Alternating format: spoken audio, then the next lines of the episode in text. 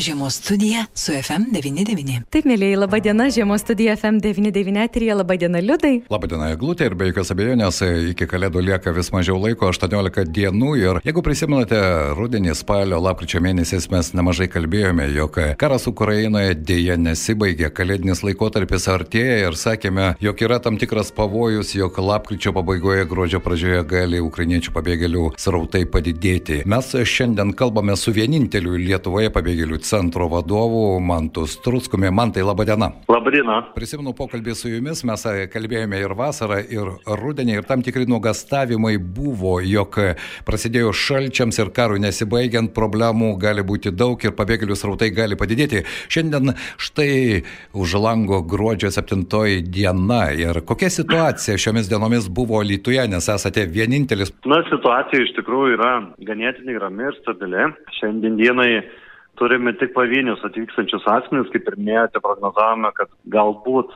bus didėjimas, tačiau jo šiuo metu nestebime, bet vis tiek dar Lietuva yra pasiruošusi priimti ir yra pasiruošusi priimti ženkliai didesnį kiekį pabėgėlių. Na ir laukime, tikimės, jeigu bus tas didėjimas, tai tikrai būsime pajėgus priimti visus norinčius. Mhm.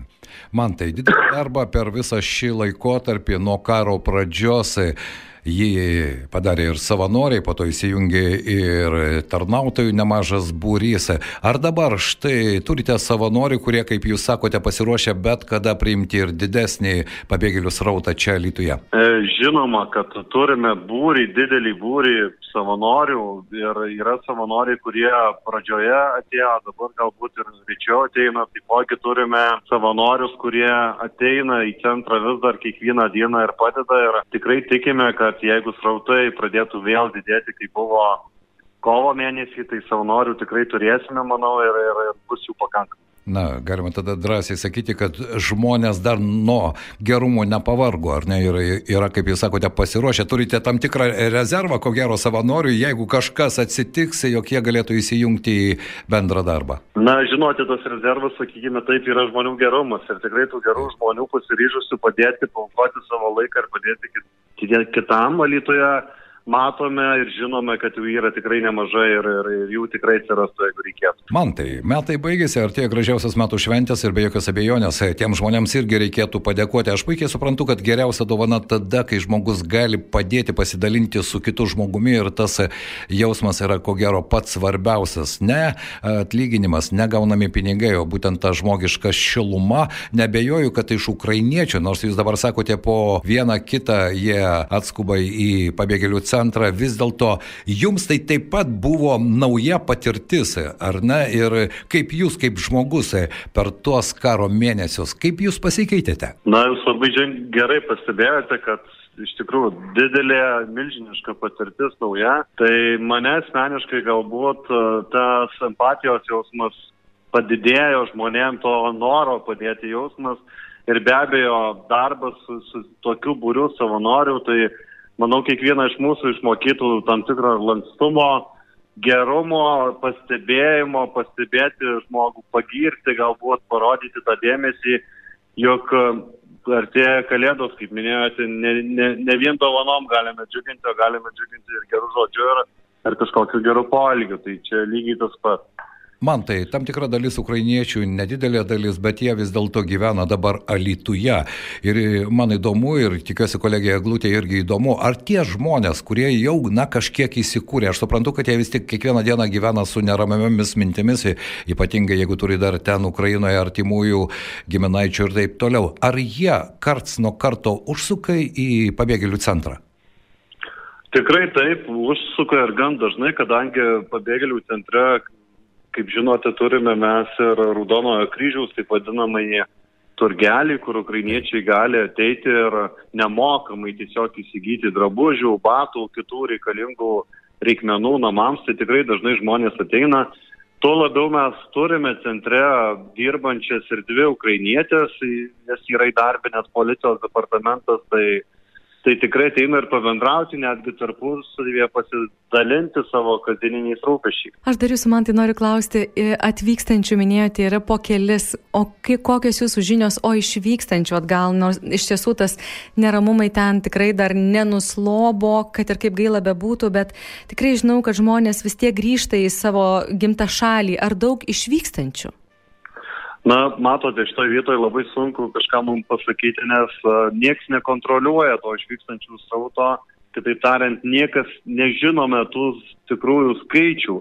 Galbūt vieni išvyksta, paskui vėl grįžta, vieni gal išvyksta pas giminaičius ar atsiveža paskui giminaičius, tai sunku kažką tai prognozuoti. Dar kalbant apie atvykstančius, tuos pavienius, tai gal verta pabrėžti, kad dauguma asmenų dabar būtent ir atvyksta iš okupuotų teritorijų, Rusijos okupuotų teritorijų, būtent Rusijos federaciją ir tada jau į Europą ir tada atvyksta iki mūsų Lietuvos. Tai galima tik įsivaizduoti, koks kelias, ar ne, ir kokie, kokios problemos, kokie rūpešiai, norint iš okupuotų teritorijų, nes kitaip tu iš ten negali pasiekti Europą, tai vadinasi per Rusijos teritoriją, po to per Lietuvą, Latviją, Estiją ir tik tada tu gali čia atvykti. Tai sunku įsivaizduoti, ar ne, kokius, kokias negandas patiria tie žmonės, ieškodami išeities. Taip, jūs visiškai teisus ir tai milžiniškas žmonėm iššūkis ir, ir labai iš tikrųjų džiugu džiugu, kad ukrainiečiai šie atvykstantys pasakoja tokias istorijas, kad jiems visos tos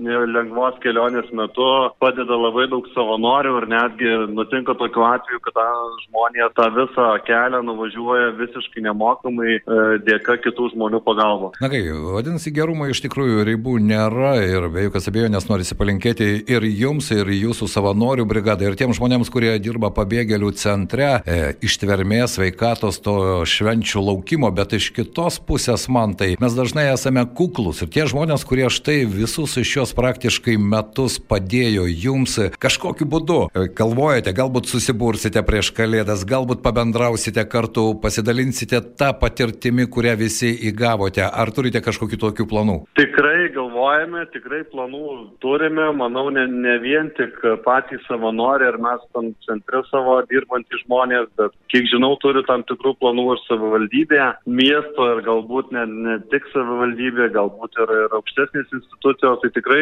parodysim dėmesį visiems savanoriams ir tikrai vieni kitų nepamiršim, bet prieš šventės visi susibūrsime drauge. Na štai, gera žinia visiems savanoriams, aš tikiuosi, tikiuosi, kad to gerumo nebeli, nebe, nepritrūks, tai būtų galima pasakyti. Ir dar vienas klausimas man, tai mes žinome gyvenimiškų istorijų, e, yra nemažai žmonių, kurie renka pagalbą Ukrainai, veža į Ukrainą Ukrainą, bet žinome ir kitas istorijas, kai yra žmonių, kurie naudojasi tą esamą situaciją. Na, pasaulis margas kaip genys, įvairių žmonių iš tikrųjų yra. Ar jūs žinote kažkokiu atveju, kai iš tikrųjų, na, galbūt žmogaus gopšumas, nesažiningumas ima viršų ir štai tokia tragiška situacija jie pasinaudoja? Na, manau, tokiu atveju žinome kiekvienas, ne, gal girdėjome kažkur, tai jų, jų yra tikriausiai, bet jie yra daugiau pavieniai tos iniciatyvos daugiau yra tikrosios, pavadinkime, iniciatyvos ir nėra jų tiek daug. Tai, tai tikrai džiaugiamės, kad, na, kad žmonės yra iš tikrųjų supratingi ir iš to ne, ne, nedaro nei verslo, nei siekia savo naudos. Man tai esate policijos pareigūnas ir kaip pats sakėte, empatijos padidėjo. Tai štai, ko gero, ta patirtis iš tikrųjų keičia kiekvieną iš mūsų, kuris susiduria ir kuris gali kažką padaryti tokioje esamoje situacijoje. Teko nemažai bendrauti su pačiais ukrainiečiais, kurie sako, karo atveju mes supratome tik vieną kiekvieną. Mes kiekvienas turime daryti ir stengtis daryti geriausia tai, ką mes darėme ir iki karo ir tokiu būdu galbūt priartinti pergalę. Ar jūs galėtumėt sutikti su tokia mintimi? Na, žinoma, kiekvienas, aš galbūt ir esu sakęs ir jūsų eterį, šį karą mes kiekvienas kariaujame savai. Vieni, kaip ir jūs sakot, ukrainiečiai galbūt savo tėviniai dirbdami savo darbus, o mes, kad ir pabėgėlių centre, būtent užtikrindami to centro veiklą, taip kariaujame tą karą kartu. Na nu, kągi, tikėk, tikėkime, kad vis dėlto iki pergalės tai yra svarbiausia. Man tai ačiū šiandien Jums, kad suradote laiko. Mantas Trutskus, vienintelio pabėgėlių centro Lietuvoje vadovas, buvo mūsų pašnekovas. Ir... A, ačiū Jums, gražių švenčių. Jo, be jokios abejonės, švelnumo, tikrumo ir vis dėlto dėlto nepavarkti darant gerus darbus. Ačiū Jums. Žiemos studija. FM 99.